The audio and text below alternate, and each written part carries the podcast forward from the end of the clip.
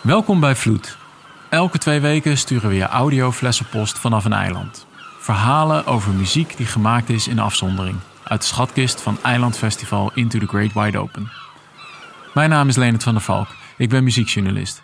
Deze podcast wordt opgenomen in het podcastkantoor, de studio van David Achter de Molen. Vandaag in Vloed, muziek voor de vrijheid.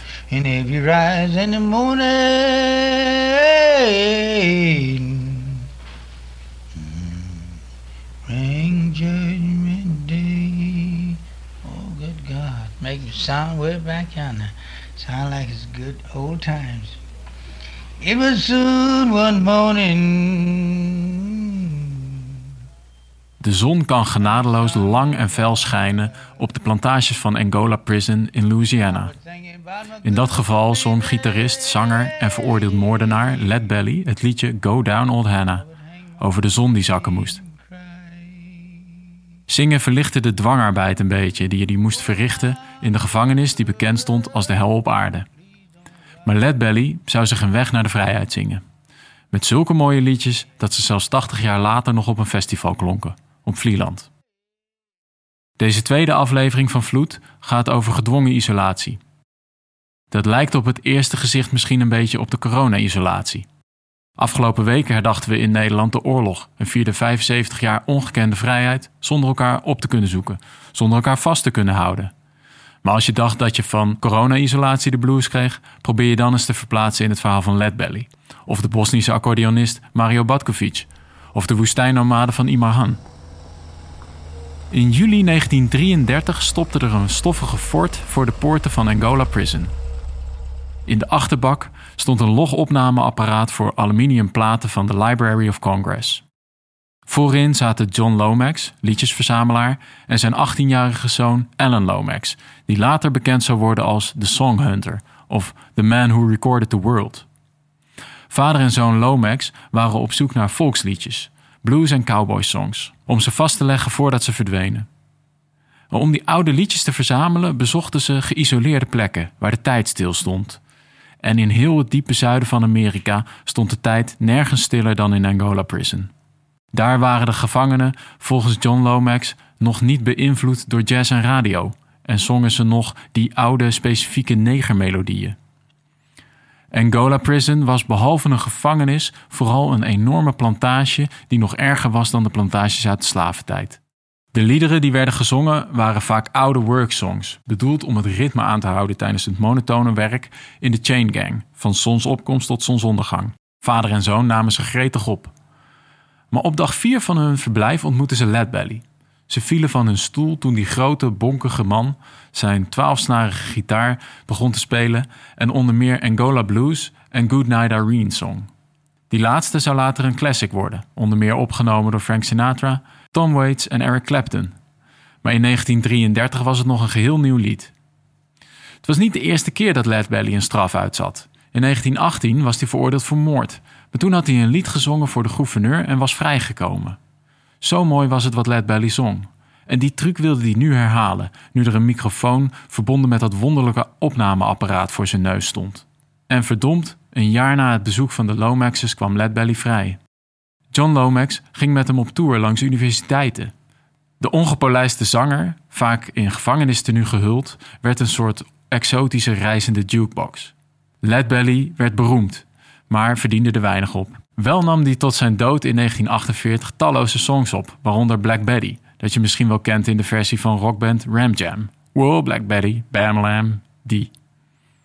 Alan Lomax zou na Led Belly nog veel andere bluesartiesten zogenaamd ontdekken op geïsoleerde plekken, waaronder Muddy Waters. Maar de gevangenis bleef zijn favoriete vindplek. Door het gedwongen isolement leefden de gevangenen als het ware in het verleden. Een aantal van die prison songs klonken in 2009 ook op de allereerste editie van Into the Great Wide Open. Ver weg van de ellende zong het Antwerpse kwartet The Golden Glows de oude liedjes uit het diepe zuiden in een project dat Alan Lomax Prison Songs heette.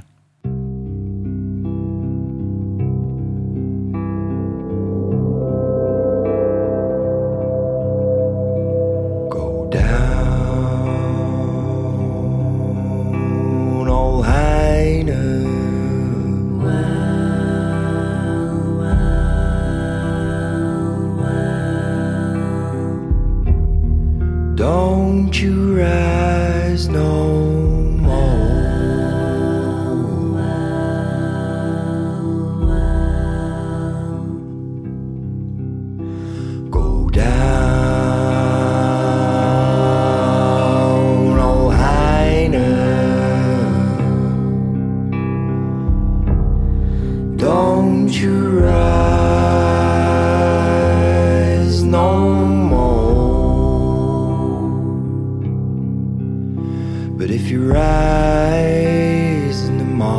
morning, be sure to bring my judgment on. But if you rise in the morning, bring my judgment on. Well, I looked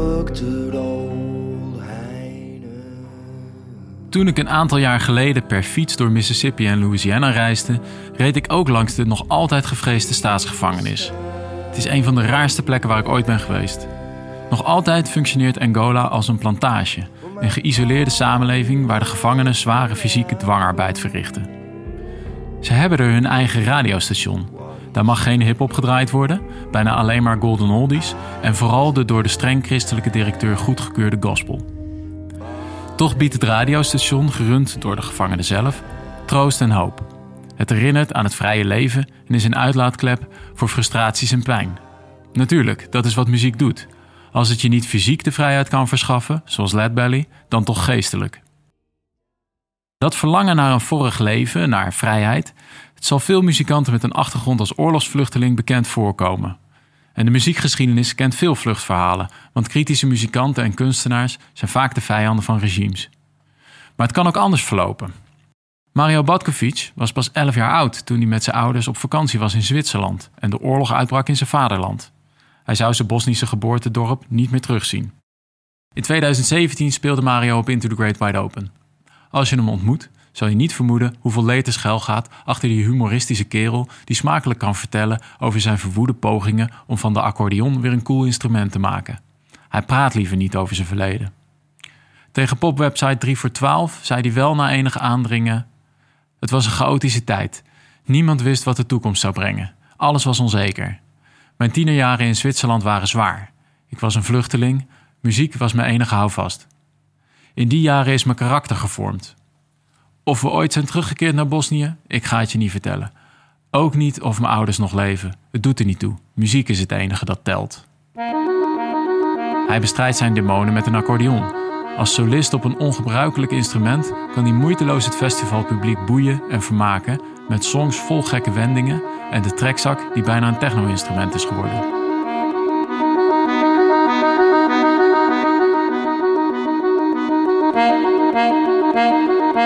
Led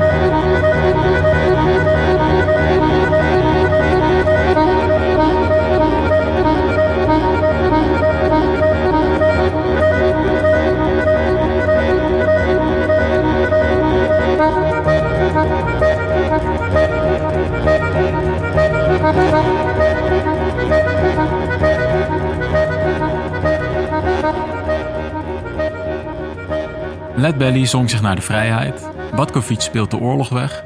Maar je kunt natuurlijk ook je muziek als wapen gebruiken om een strijd te voeren. Om vrijheid te vergaren. In de Sahara gebeurde dat vrij letterlijk. En er is een geheel nieuw genre uit ontstaan. De Tuareg rock. De nomadische Tuareg, verspreid over landen als Mali, Algerije en Niger, verlangen al jaren naar een eigen staat genaamd Azawad. Regelmatig nemen de gesluierde woestijnbewoners de wapens op. Het meest recent gebeurde dat in 2012, een strijd die toen gekaapt werd door moslimextremisten, waardoor het nog altijd oorlog is in het noorden van Mali. Maar de oprichter van Tinariwen, de oerband van de Tuareg Rock, maakte nog de strijd van 1963 mee, toen zijn vader voor zijn ogen werd geëxecuteerd. Ibrahim Ach al-Habib leefde daarna jarenlang in vluchtelingenkampen in Algerije. Hij bouwde er zijn eerste gitaar van een waterfles en visgaren. Hij speelde Touareg liedjes en Arabische tunes. Maar hij hoorde via radio en cassettebandjes ook Jimi Hendrix, Boney M en de Dire Straits. Eind jaren 70 vormde hij met andere Touareg-muzikanten de band Tinariwen, waarin hij die invloeden samenbracht. De Libische leider Gaddafi zag ondertussen in de gevluchte Touareg-gemeenschap een mogelijk woestijnleger dat hij wel kon gebruiken. Hij begon de nomaden te trainen. En ook de muzikanten van Tinariwen hingen geweren om hun schouders en zouden deelnemen aan de gewapende strijd. Ondertussen verspreidden hun strijdliederen voor een vrij Azawad zich via cassettebandjes over de hele immense Sahara. En na enige tijd verruilde Tinariwen de geweren definitief voor gitaren. Een succesvolle move. Rond de eeuwwisseling werden ze ontdekt in Europa en speelden hun hobbelende blues en hypnotiserende rock op alle grote festivals. In hun kielzog vormden zich nieuwe Touareg-bands. Vaak minder militant, maar nog altijd vol verlangen naar een vrije Assawat. Een van de meest funky vormen van Touareg-muziek wordt gespeeld door Imarhan uit Algerije. In 2016 stonden ze op Into the Great Wide Open. Ze vechten niet meer met wapens, maar ze vechten wel voor het voortbestaan van hun cultuur.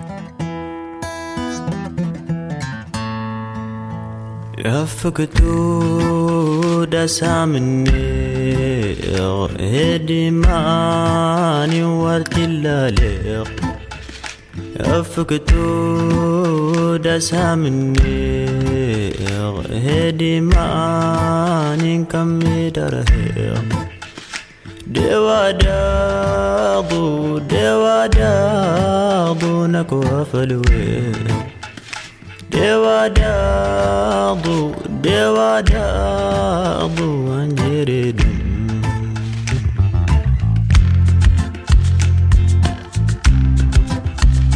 nakuwara ghila tarhata daw tahe tijtum يولهن سمك وادا نكوار غيلا وترهتا دا هي تجتم يلهن سمك وادا تهجتم دغتي كونين سكناتو لهن ترسم وين تهجتا دغتي كونين تسكناتو لهن ترسم وين